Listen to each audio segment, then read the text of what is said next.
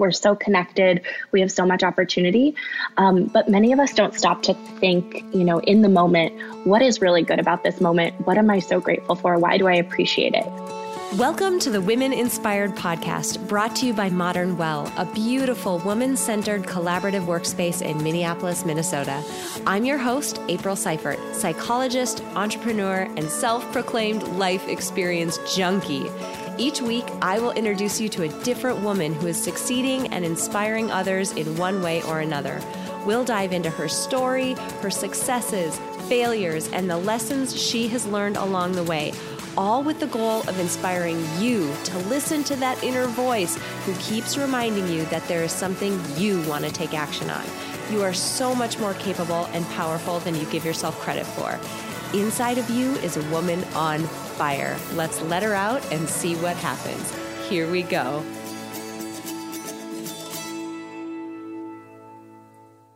Friends, welcome back to the Women Inspired podcast. My name is April Seifert, and I'm your host. And this week, we are hearing from an awesome woman named Alex Amoratico, and she is the author of an incredible upcoming book that just total self disclosure, I found her book randomly on Amazon and I reached out to her, just like cold called her, and basically asked if she would be on the podcast. So I'm really excited. Her book is called The Secret Joy of Hygge A Practical Guide to Cultivating Happiness in the Everyday. And just from that title, I guarantee you can tell why I'm so excited to have Alex on the show. So, in the show, we're going to talk all about her book. We're going to talk all about the process for writing her book while she had a full time job, which is so difficult. I know so many people have the goal of writing a book, so I had to ask her about that. And then she gives some really practical advice about how we can use this concept of hygge in our day to day life in order to make tiny changes that can improve our happiness. So, I can't wait for you to meet Alex Amoratico. Alex, I am so excited that you are joining me for this episode of the podcast. Thank you for being here. Thank you for having me. So excited. So, this is kind of funny because uh, I get my guests in a variety of different ways. Sometimes I find people on social media. Sometimes people's publicists will reach out to me.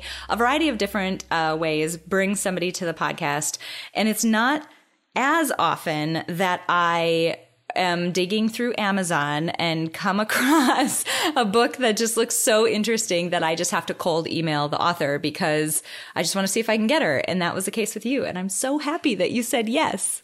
Yay, me too. And I'm so glad that you found me on Amazon. This that means awesome. that others will too. Yay, good. Okay, so we're going to get into your book in a minute, but tell us a little bit about yourself so we can get to know you. Sure, absolutely. So I live in New York City at the moment, but I'm originally from Oregon.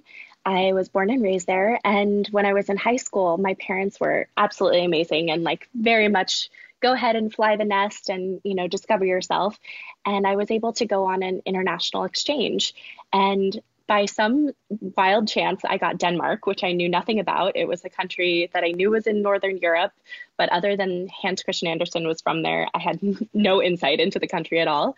And I ended up living there for a year. And the things I learned in that first year at the age of 16 changed my life completely.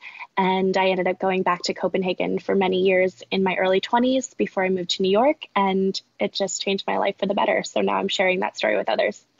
I love that. Travel is amazing. Travel, uh, my husband and I love traveling as well. And getting out of your culture and just seeing how other cultures manage day to day life and um, how they might approach situations differently, it can just, man, it can just open your eyes to a different way to live. It's just incredible.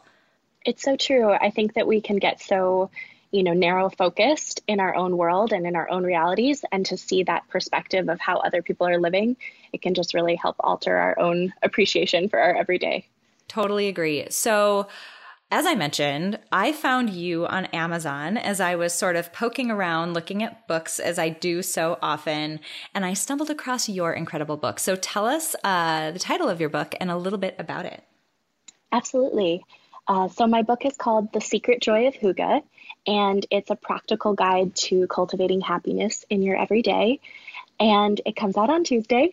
Um, I'm so excited, and and basically, it's a a quick look into the Danish philosophy of hygge, which is an untranslatable into English word. Uh, and it shows you how to make small changes that'll bring more warmth and joy to your everyday life. And it's simple things. It's like sipping a cup of tea, nesting at your desk, uh, gathering loved ones around your table, lighting candles in the evening. It's all really simple, straightforward, practical things that can really increase your joy. That is amazing. It's amazing. And those folks who have listened to me for a little while, uh, I'm sure you can tell immediately off the bat why I was so excited to talk to Alex and why this book really caught my eye. Because something that we talk about a lot on the podcast and with my, you know, former guests is we talk about, you know, the importance of the thousands of little decisions we make in our day. You know, in our day to day life, we make just so many decisions from tiny things like when we're going to set our alarm and what the first thing we're going to do when we get up is to what we're going to eat for lunch and who we might see and how we're going to spend our time. And, you know, you and I were chatting a little bit before we hopped on to record. And I, those decisions that we make, while seemingly tiny ones, they ultimately impact the quality and the overall experience of this one single life that we're going to have, which makes these tiny little decisions not tiny at all. I completely agree with that. Uh, I was, you know, I was saying that it's so interesting with Hygge because it seems like such a simple concept. You know, it's not making big overarching recommendations for how to just completely transform your life. I think people think that these big opportunities are so important and that that's all that's going to really make an impact.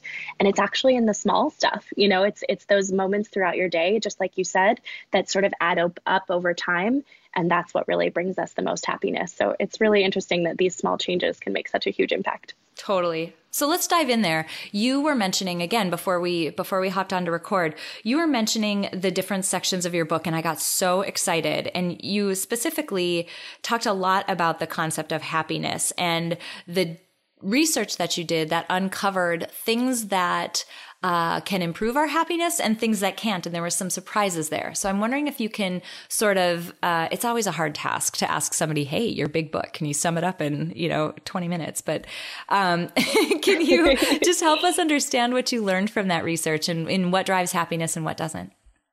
Yes, absolutely. Um, so I just found it so fascinating diving in. They say that Danes are the happiest country and the happiest people. And so, of course, uh, the rest of the world would like to know what their secret is. And, you know, they really do credit it to Hygge.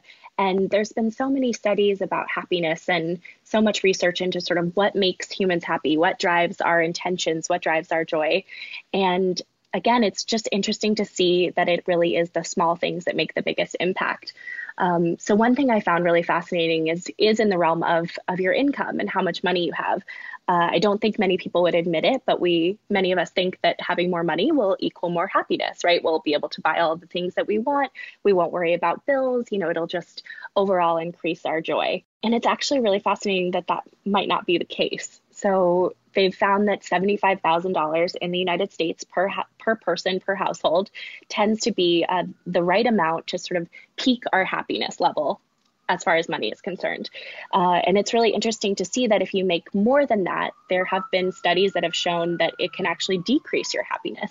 So your, um, you know, your level of happiness you think is going to go up and up and up with your, you know, salary and experience, but really it's the decisions that you make as you make more money uh, that are going to be the most impactful. So I found that really interesting to look at. And then the other thing um, that's so interesting about happiness is that many people have found that you're actually born with the maximum level of happiness that you're capable of. So mm-hmm. your body is capable of, say, there's somebody at 100%, and then I'm at 75% of their level of happiness. We both could be at max happiness, and still one of us is actually maybe happier than the other, right? It's just sort of your capacity. And about half of that happiness capacity is just predetermined at birth. So it, that makes that you know rest of the happiness that you can experience all the more important because you're in complete control over that right? And it might be a smaller amount than we actually think. So it is those sort of small moments that you can make all the better that make the biggest difference. So what I like about that is you're focusing so much on, you know, these small decisions that you make. And in the same way that you mentioned that people, you know, look at hygge and they think, wow, how can it be that simple? How can it just be these tiny things? They can't actually be that important. They can't actually be that impactful. Um, when in reality, that's the same thing that I think people think about when it comes to contemplating those small decisions and the impact that they can have on your life right? Like we think about this, a word is big, not like number of characters, but like as big and as weighty as the word life. Like this should be some grand thing. Like this should be some big, grandiose, intangible thing, but it's not. I mean, Eckhart Tolle is one of the leading philosophers on uh, the importance of mindfulness and the um, impact that that can have. And he has the most simple deci- the most simple definition of life. It's just a series of todays. It's a series of strung together moments, which means, to your point, the decisions you're making moment to moment are so important. They're incredibly important because that's your life experience right there. That's the whole thing. That's absolutely right. I love Eckhart as well. And I've actually recently been listening to uh, the series he's doing with Oprah on Super Soul Sundays. Mm. I think, you know, even that is just a, a moment of like, how can you bring a little bit more mindfulness into your day? You know, we could walk around, you know, walk our dogs or, you know, drive to work and listen to the news and maybe not feel a lot of joy you know every moment or maybe we could listen to you know j- just to music to to sort of mind um, feel that mindfulness. But I find that listening to sort of podcasts, even like yours, that are inspiring and sort of bringing this this conversation to light, that can help me be more present every single day too. It's just that small reminder of like, oh yes, I can come back to this reality. It's not all about, you know, traffic and paperwork and meetings. It's it's okay, what are the small things that I'm grateful for and present? And it's okay to need a reminder of that every now and then. Mm-hmm. Um, you know, and so I find that that really fascinating as well. Well, and you you know you just brought up the word gratitude. It's funny because we can think of if you think about physical health, right? Uh, maintaining our physical health, we can rattle off very quickly the tiny handful of things that everyone should. Whether we do, that's different. But the small handful of things that everyone should do to be a healthy person, right? Exercise, eat well, sleep, drink water, um, avoid alcohol, those sorts of things. We know what all of those things are, when you think about mental health, I mean, it gets a little bit grayer. We don't do, we're doing a better job these days, but we don't do a great job of talking through the stuff that's inside of our control. There's a bunch that's not. So please don't think I'm oversimplifying the concept of mental health, but this, the proportion of it that is in our control, we don't do a very good job of equipping people with the tools and techniques that they can use in order to become as psychologically strong as as they possibly can to put themselves in the best possible position to sort of weather life's up, ups and downs. And when you look at a lot of research like a lot of research gratitude is one of those preventive things. If you can do it on a day-to-day basis it helps ground you in the in reality and it helps ground you in the notion that like it helps you right size your problems. Like how big actually is this problem before it takes you under when it's not actually that big of a deal in the first place so gratitude is such a huge deal was that something that you uncovered as part of your research like did that play a role at all as you were you were researching or writing the book yes absolutely um, so i just think that it's it's such an interesting time we live in, right? We actually have everything. So gratitude seems like something that should be really straightforward, right? So many of us have access to things that we could have never thought possible even 20 years ago, right? We're so connected, we have so much opportunity. Um, but many of us don't stop to think, you know, in the moment, what is really good about this moment? What am I so grateful for? Why do I appreciate it? Right. So in the, in a moment of having dinner with friends, you know, maybe it was stressful to get all of the food to prepare. Maybe it was stressful to clean the house. Maybe, you know, you forgot something and your husband had to run out and grab it. And it was just this whirlwind of stress getting everybody to the dinner table. But here you are all together around the table. You're laughing, there's candles lit, you're enjoying great food notice that moment, right? So many of us forget to think like, oh, this is such an incredible moment. I'm so grateful to be here.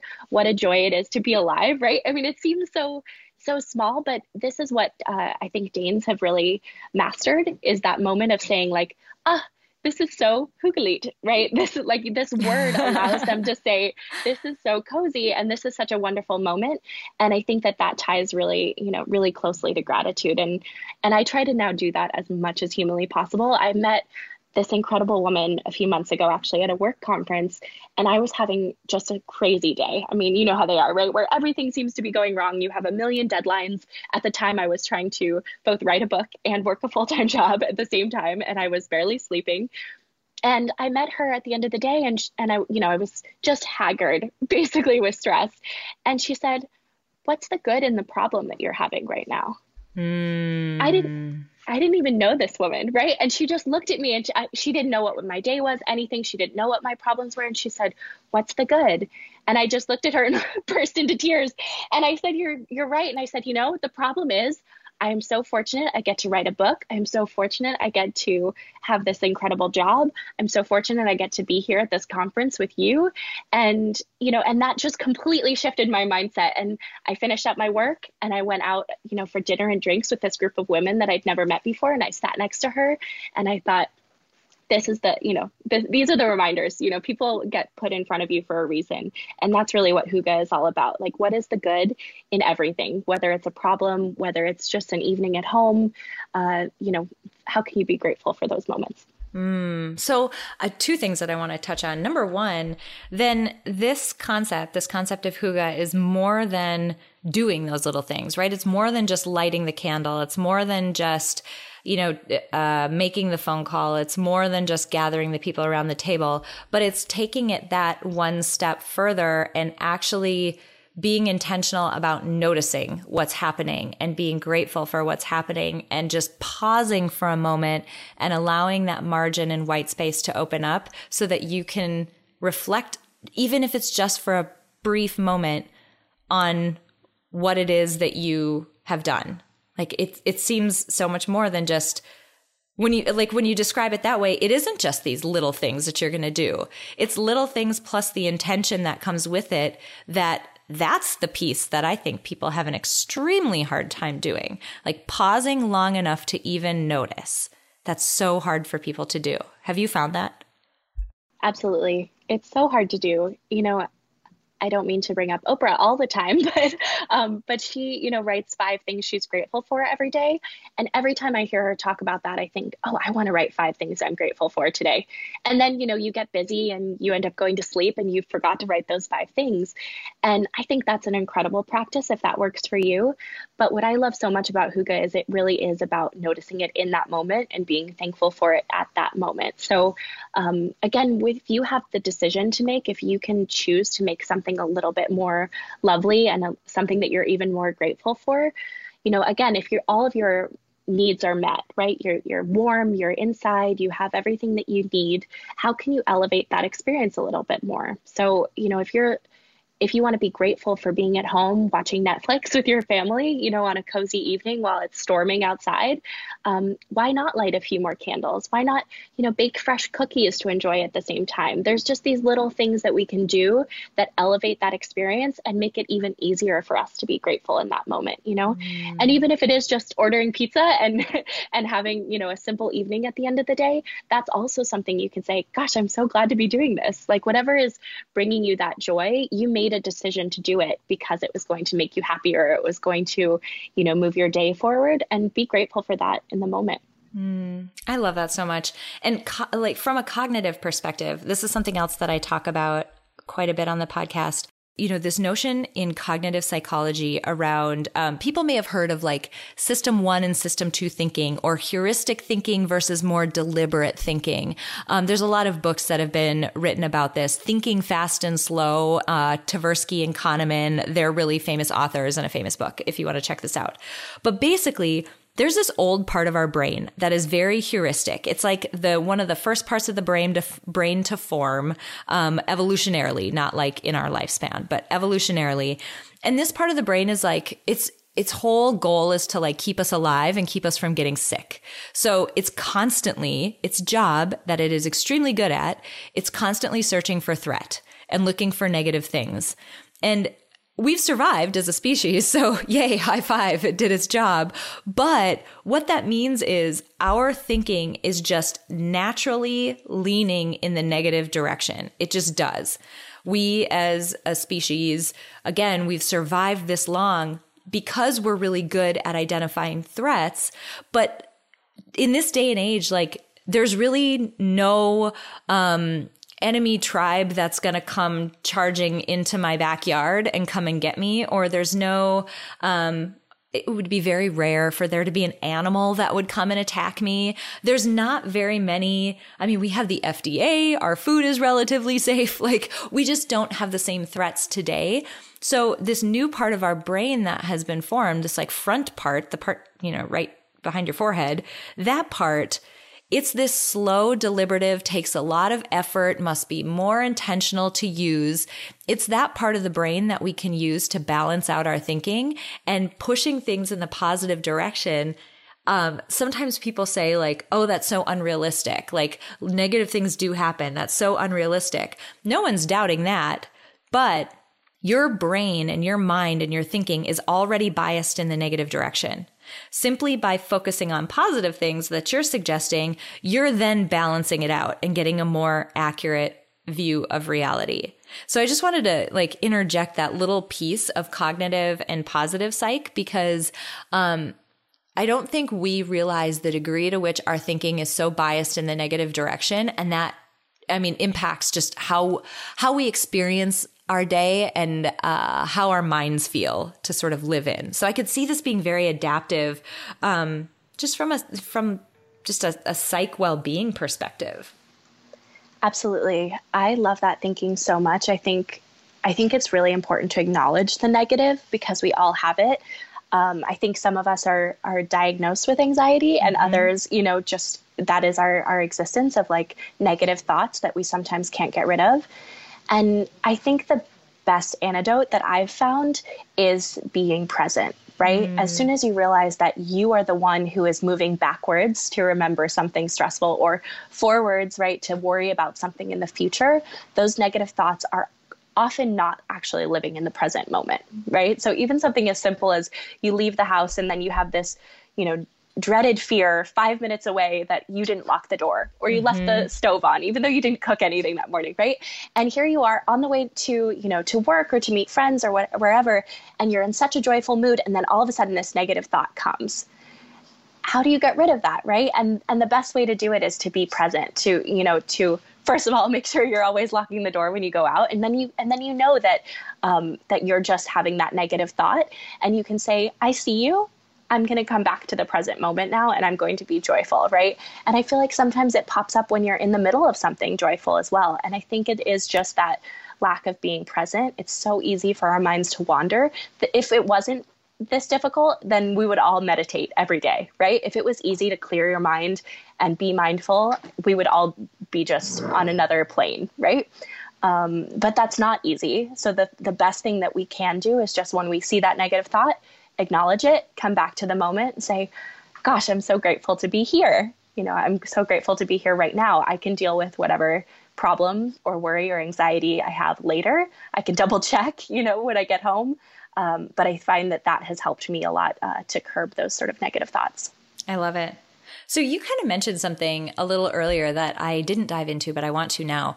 You mentioned that you wrote this book while you had a full time job. Tell me a bit about the process of writing the book because uh, that's a, I mean, that's I, th- I, feel like writing a book has become the new marathon. Like everyone wanted to run a marathon for a while, and now everybody wants to write a book. I'm not making fun because myself included. Um, I would love to hear about that process of of doing this while you were so busy. Like, how did you make it a priority? How did you find the time? Just what was the process like? Sure. And and I agree. I think it is a, a goal that many of us have and I feel so lucky to have achieved it. Um, but it, yeah, did not come without work, right? So I had a full time job, I still do. And when the opportunity came about, it was just one of the greatest days of my life, you know, to receive an email saying, you know, we we found your blog where I wrote for years about living in Denmark and what it was like to live among Danes, and they said, you know, we think you'd be the right person to talk about hygge, and you know, I was just pinching myself. I was so overjoyed. And then to our conversation earlier about negative thoughts, all of those fell in, right? You don't have time for this. Mm. You can't do this. You've never written that much before. You know, I was just overwhelmed with all of the reasons why I shouldn't do it, you know. And I really had to make a decision in that moment like, are you going to let fear stop you from doing something you've always wanted to do? because even when we get these this is another reason why these small moments are so important because even when the big moments come around it doesn't mean you're just instantly joyful and there's right. no problems that yep. come with those those big moments right so I really made a decision right then and there. I had actually uh, a trip planned to Denmark a few weeks later, and so that trip changed from sort of pleasure and you know vacation only to a research trip. And I, you know, I for the next I wrote the book in six weeks. It was absolutely crazy. Um, that's when I fir- turned in the first full manuscript to my editor. I worked in the morning before I went to the office. I wrote in the evening when I got home, and I wrote all weekend, every weekend for about um, about those full six weeks. I didn't drink that whole time. I didn't see very many friends socially uh, I really just focused in on the book and the writing. And I also had to, because I was doing all of this, I really had to live it, right? So there I was writing about Hygge and saying, you know, you really should be surrounded by comfort and things that make you happy. And then I'd look up from my sort of stupor of writing and go, I should light a candle. I should walk my dog. Wow. I should, you know, I should take a, you know, put on a face mask or something like that. Just these little things like, oh, yes. And it was such a good reminder to take care of myself, even in such a busy time, to be, you know, writing about taking care of ourselves. And yeah, it was exciting. So it was not without sacrifice, and it was an absolutely crazy few months. But uh, but overall, something that I knew I really wanted, and I knew that I could do if I believed in it, and and put in the work. That is awesome. So by the time this airs, I believe your book will be out. So help us uh, find it easier. So tell us where can people buy your book? Uh, tip, it's on Amazon already, but um, it's being advertised there for sure. But where can people buy your book? Where can they connect more with you? Are you still blogging? Can they follow you there? Like, give us all the details of where we can follow you if uh, we want to learn more about Hygge. Yes, absolutely. So Amazon is definitely the best place. Um, we are going to be in hopefully bookstores all over the place as well. But if you have a bookstore, please be, feel free to reach out.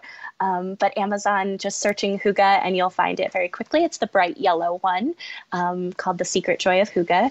And my blog is called She is Red. Spoiler alert, I am a redhead. And uh, you can find me on Instagram under the same handle, She is Red. Love it. And for people who are searching, Hygge is spelled H Y G G E. Um, but to make it even easier, I'll uh, throw your book up on your face or on your Facebook page. I don't do that. I'll throw your book up on your show notes page so that it's really easy for people to just link directly up and buy it on Amazon. I just think it's going to be. I'm so excited that you were able to join me for this episode because these um, the information about how people can improve their day to day life using techniques like this that are so simple and so straightforward, it's just so valuable. The more busy we get, the more we see, you know, mental illness rising, the more we see people struggling to balance a lot of things and trying to maintain some level of happiness. We need these really simple, tactical, straightforward things that we can do to just enjoy our lives a bit more. So thank you, thank you, thank you so much, Alex, for being here. I really appreciate appreciate you uh, jumping on this episode with me. Thank you for having me, April, and thank you for doing this all year round. I'm so glad to listen. All right, you guys, I hope you enjoyed that interview with Alex Amoratico. She is the author of the brand new book, The Secret Joy of Hygge, a practical guide to cultivating happiness in the everyday. I'm going to call out two things. You know where I'm going to go first because it's the whole topic of her book, but this notion of being able to make small decisions each day in order to increase our happiness is such an important one. You know, before we started recording, she said one of the big criticisms that she gets and that, you know, Hygge gets in general is that it's too simple. It can't be this simple. It can't be the fact that these small changes could actually improve my happiness but research supports her and you have a whole you know country of people and a whole culture of people who are using this in their day-to-day lives and it's working because they're the happiest people on the planet So I just think it's so incredible that she spent this time to research and write this book on these small decisions that we make every day. Because you guys know me. I mean, you know from listening to the podcast that it's such an important thing like the way that i think about our time right? Time is the most non-renewable resource on the planet. It's the thing you're not getting more of. The way that we spend our time and how we can make you know that experience more joyful and happier even if it's just two degrees more joyful and happier, it's a huge impact over the course of a lifetime. So I want you to really consider the exact same the exact things that Alex is saying. How can you make each little, you know, situation of your life, how can you turn the volume up just a notch? Can you light a candle? Can you bake some cookies? Can you call a friend? Can you put on a cozy sweater? Like what can you do that would make each moment of your life just one degree happier, even because it's going to elevate the rest of your life. It just will. Like this, it's the sum total of how you're going to spend your days. And if your days are just a little bit happier, your life is going to be just a little bit happier. So I really suggest you guys grab her book and do the things that uh, the really practical tips that she has inside her book. The second thing I want to note is I loved the really short but impactful conversation we had about what it was like for her to write this book. Um, it's so neat that you know she was writing this blog just purely out of joy and she was approached about writing a book and she said yes I know maybe some people are feeling this knee jerk reaction to look at that and say, well, that's easy for her. You know, a publisher approached her and they asked her to write the book. Well, Sure, but she didn't have to say yes. And she could have listened to all of those doubts that popped into her mind immediately. Like, as soon as the momentary elation went away, she immediately started doubting her ability to write the book and whether she'd have enough time and whether she was skilled enough or had anything to say that people would care about. I mean, that's something that all of us go through but she said yes, and she did it anyway. And she did it while having to work around a massive barrier that she had in order to achieve this end goal. Now, I want to make a really important distinction. Lots of times I talk about not allowing your work to completely consume the rest of your life, right? Have some boundaries, be able to put your work away, enjoy your nights, enjoy your weekends, enjoy your time with your friends and family, right? Time, non renewable resource. You're not getting more time back with them either. Um, but she was making that's a, when I talk about that, I'm talking about it on a chronic basis. Like chronically, don't give up your entire life just for your job but for her, she's talking about a very acute um, investment that she's making in order to achieve a lifelong goal. And that's something very different. So it's something to think about in terms of can you make a small sacrifice, a small investment? Can you push in a direction that makes you uncomfortable for a short time in order to achieve a goal that you've had your entire life? And if you want to write a book and you have a full time job, here's a beautiful example of a woman who did just that while working within the cracks of her day. All right, you guys, I really hope you enjoyed that episode. I loved meeting Alex. Let me tell you, we chatted before we hopped on and before we recorded, and she is just as sweet and wonderful and beautiful as she was on this interview. So I highly suggest you check out her blog, check out her book, follow her on Instagram. I'll link to all those things on her show notes page um, so that you guys have easy access to all of that. I hope you guys have an amazing week. Go light a candle, bake some cookies, wear some fuzzy socks, do something to make yourself 1% happier this week. Before we close out today, I want to say thank you to my producer, Cameron Hill, and to my incredible sponsor, Modern Well. If you want to learn more about how you can reach your goals in a one of a kind work life community, visit www.modernwell.co. If you enjoyed this episode, please share it with someone else who might benefit from this inspiring message. And if you have a moment, click the link in the episode description to leave me a rating and a review on iTunes. It would mean so much to me.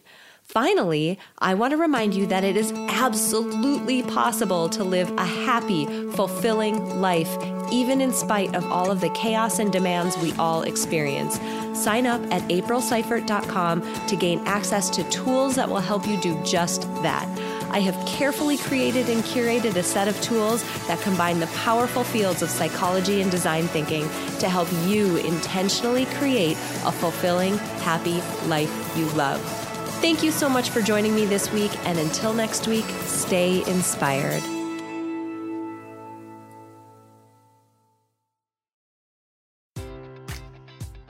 Enjoy all your favorite sports like never before at BetMGM. Sign up using code CHAMPION and receive up to $1,500 back in bonus bets if you don't win your first bet. When you register with BetMGM, you'll get instant access to a variety of parlay selection features, live betting options, and the best daily promotions in the business. And with BetMGM at your fingertips, every play and every game matters more than ever. Remember to use code CHAMPION and receive up to $1,500 back in bonus bets if you don't win your first bet. Place your money line, prop, or parlay bets with the king of sportsbooks today. BetMGM and GameSense remind you to play responsibly. See BetMGM.com for terms. 21 plus only. Virginia only. New customer offer. Subject to eligibility requirements. Rewards are non withdrawable bonus bets that expire in seven days. Gambling problem? Call 1 800 Gambler. Promotion. Promotional offer not available in Washington, D.C.